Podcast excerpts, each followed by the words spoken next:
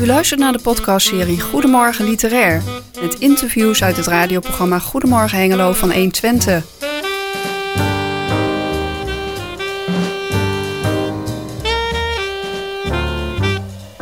In deze zevende aflevering hoort u Chris en Jan Dirk in gesprek met schrijver Rick Meijer en illustrator Jade van der Zalm over hun prentenboek Pingwing. Uh, leuk dat jullie er weer zijn. Rick, ik hoorde dat jij het ook weer erg leuk vindt dat je hier bent. Uh, Tuurlijk, elke keer is weer een feestje, hè, s ochtends. Kijk eens aan. Uh, nou, jullie hebben een prachtig boek uitgebracht. Ehm, het is ook geheel terecht, Jade, dat jij erbij bent. Het is een prentenboek. En Rick, die zei het al, eigenlijk is het belangrijkste van zo'n prentenboek juist de illustraties. Um, ik vind het prachtig wat je gedaan hebt. Ik vroeg al net van tevoren. Um, ik vind het wel interessant om te weten hoe jullie elkaar ontmoet hebben. Want ik weet dat Rick de vorige keer een heel andere illustrator had. Hoe ben jij nu bij Rick zo terechtgekomen? Ja, dat is een bijzonder verhaal. Kom maar iets uh, dichter bij de microfoon, dan uh, hoor je wat beter. Zo beter? Ja, veel ja. beter. um, ik plaats mijn tekeningen op Instagram. Uh, ja, voor mensen om het te zien.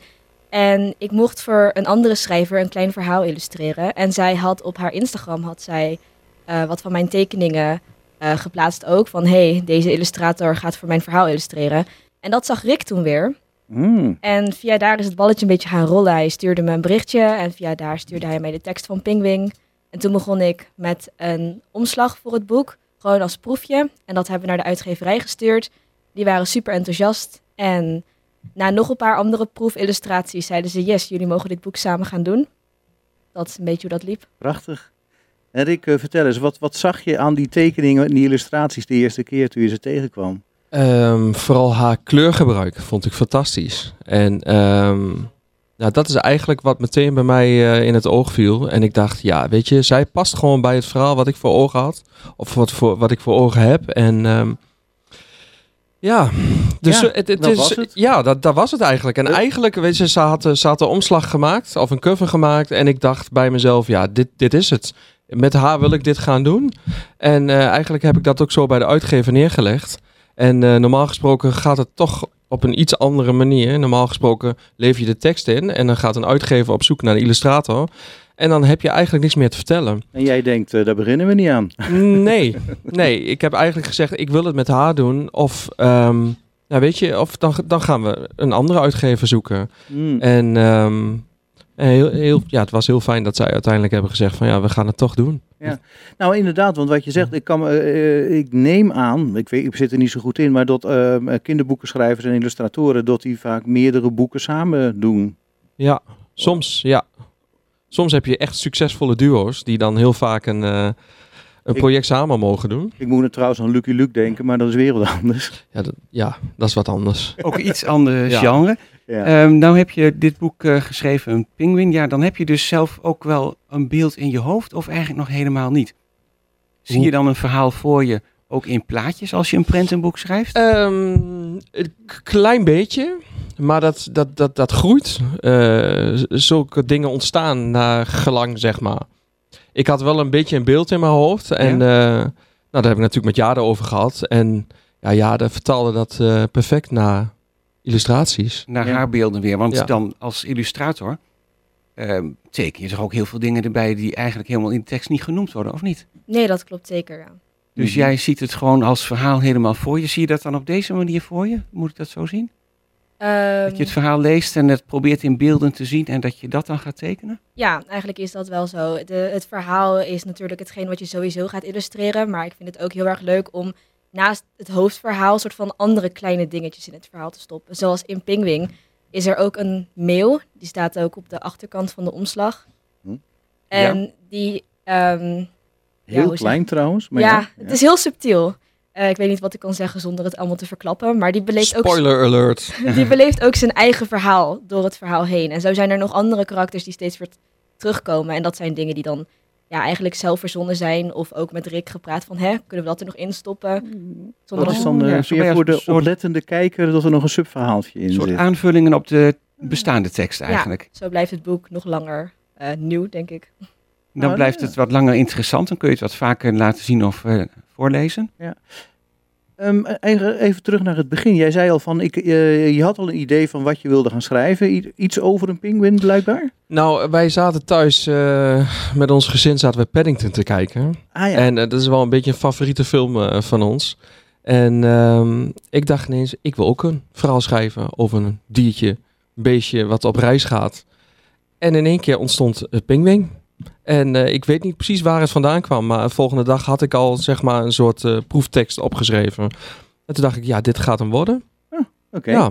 Ja, dat heb je wel eens. ja, Ja, nou, ik heb het nooit, maar misschien als schrijver dat je dat wel eens hebt. Ja, nou ja, ik heb dat ook eigenlijk nooit. maar- Oké. Niet? nee, maar Ja. ik, ik heb dat bijna altijd, zeg maar. Mhm. Brein Kijk. staat altijd aan. Ja, ja. Ja. Dan Dus is ja- het toch wel een vak, hè, schrijven. ja, het is wel een soort vak, ja, zeker. Nou ja, het is een bepaalde creativiteit die ineens op moet komen borrelen op een of andere manier, denk Ja. ik dan. Ja, Ja. eh, creativiteit is er altijd. Maar zeg maar, hè, over, over vak gesproken, daarin leer je ook natuurlijk elke keer weer, als je schrijft, leer je gewoon weer bij. En dat is wel heel mooi. Oh, dat is trouwens goed dat je Ja. zelf een mooie voorzet geeft van eh, wat heb je meegenomen als ervaring van je vorige boek en wat heb je in deze gestopt eh, qua verbetering of wat je anders gedaan hebt. Ehm, God, dat weet ik eigenlijk niet. Ik ben nou, Ja, je begon er ik- zelf ja. over, maar Ja, nee, dat is ook zo. Maar de- ik, ik zit even na te denken. Nou, ik ben altijd lang van stof. Eh. Nee, in mijn, als ik een leesboek schrijf, dan eh, is voor mij makkelijker dan een prentenboek schrijven. Een prentenboek is echt schrappen, schrappen, schrappen, schrappen. En ik denk wat ik geleerd heb van mijn, vanuit mijn vorige boek, ik ben echt niet bang dat ik gewoon iets minder lang van stof ben geweest. Terwijl ik hier in het begin ook veel te veel had opgeschreven. Maar dan kun je je voorstellen hoe het met de ik ben echt niet bang was. Ja, was want ik iets- ben, ik ben iets echt niet bang. Er stond ook niet al te veel tekst als ik het goed heb. Nee, uiteindelijk niet. Nee, Maar ik denk als je zeg maar het eerste, eerste manuscript eh, las, eh, was te veel. dat was al haast een boek van 100 pagina's. Ja, zoiets. En dat Ja. zie je ook zo gegaan dat je bent gaan schrappen en steeds verder naar de essentie van dit verhaal bent gekomen Ja. eigenlijk? Ja, ja.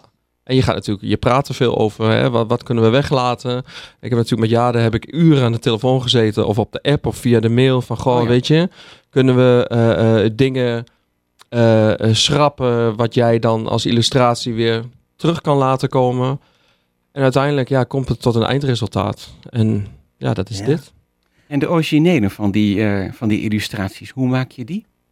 Sorry? De originelen van de illustraties, zijn dat eh, schilderijen, tekeningen? eh, Aquarel, wat... eh, Ik teken alles digitaal. je tekent mijn alles, alles digitaal gedaan.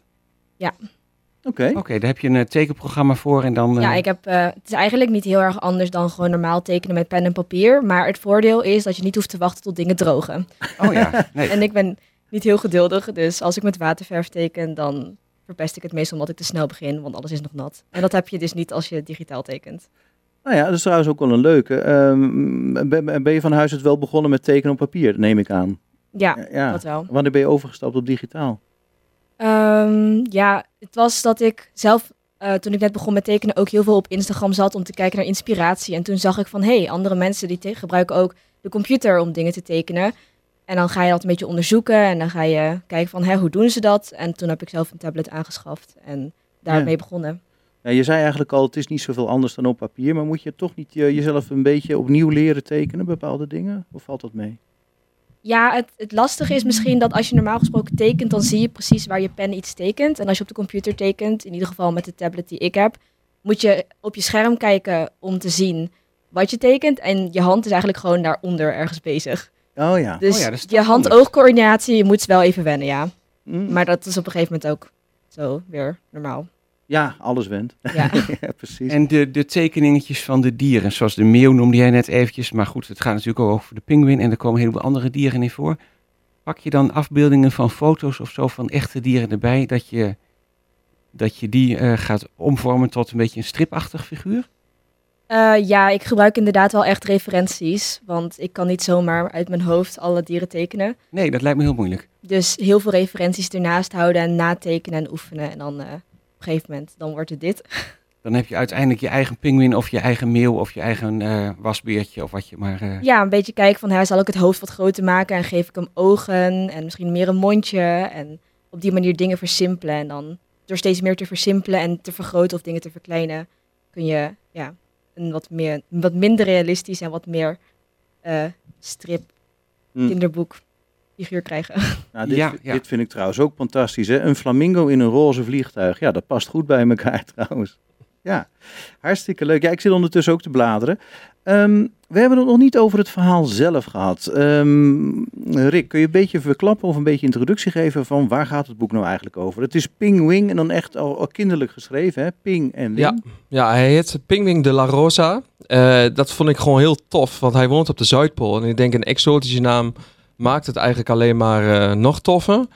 En ehm, ja, hij is eigenlijk een beetje klaar met de Zuidpool. Eh, hij is eh, alleen maar bezig met nadenken over... ik wil op reis, ik wil de andere kant van de zon zien. De, de warme kant van de zon. En er gebeurt nooit iets spannends op de, op de Zuidpool. En eigenlijk gebeurt er wel heel veel dingen om hem heen, maar die ziet hij niet meer, want hij is zo gefocust op die andere kant van de zon.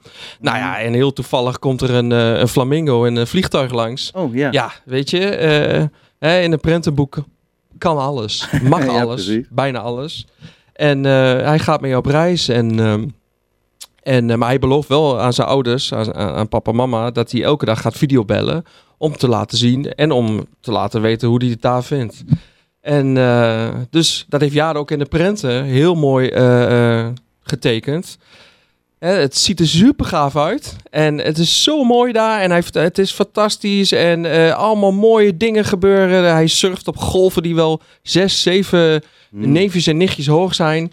Maar op een gegeven moment op een avond eh, is hij aan het videobellen. En dan zien papa, mama en zijn zusje Pinwing. Die eh, zien een, een gedeelte van zijn sjaal met videobellen. En die vragen zich af of hij het wel daadwerkelijk zo mooi heeft daar. Oh. En dat heeft hij eigenlijk niet. En dan, eh, ja, dan laat Jade zien hoe Pinwing het daadwerkelijk heeft. Aha. En eh, ja, voor de rest verklap ik natuurlijk niks. Nee, ik wil zeggen, dan Nee. moet je stoppen, denk Nee. ik, zo langzamerhand. Maar daar komt toch een beetje heimwee eh, bovendrijven voor mijn Mm, gevoel. Zo Het- het- zal het oh. Het boek heet Kans is eh, aanwezig. Penguin is gewoon in de boekhandel op dit moment al verkrijgbaar. Ja, absoluut. Overal verkrijgbaar. En morgen, morgen, ik weet niet of ik dit mag zeggen, maar ik doe het toch. Morgen van 12 tot 5 zitten wij bij de Dondersteen. Bij Sebastiaan en bij Odette en eh, bij de hele gang van de Dondersteen. Ja. Eh, zitten wij te signeren. En iedereen die een boek koopt, krijgt een ijsje van Frankies. Oké. Ja, nou. De ehm, spellenwinkel De Dondersteen aan de ja, maar die hebben nu ook een hele kinderboekenafdeling. Fantastisch. Ja. Oké, nou dit is een evenement, dat kunnen we gewoon aankondigen. Ja, natuurlijk, ze- zeker. Helemaal Kom, goed. signeer- eh, kom naar de signeersessie van Ping Wing. Inderdaad, bij de Dondersteen. Eh, en welke straat zat hij ook alweer? Wevenstraat. Yes. Oké, Ja. nou Rick Meijer en eh Jaarle van der Zalm, heel erg bedankt voor eh, jullie komst naar de studio. Ja, leuk jullie dat we er weer beiden toevallig morgenmiddag? Ja. Zeker. Oké, nou heel veel plezier morgenmiddag dan. Dankjewel. Komt vast helemaal goed. En tot het volgende boek. Ja, zeker. Dank jullie wel. Tot ziens. Deze podcast werd gemaakt door Chris van Pelt, Jan-Dirk Beltman, Jos Klasinski en Mieke Vaameijer. Bedankt voor het luisteren en graag tot de volgende podcast.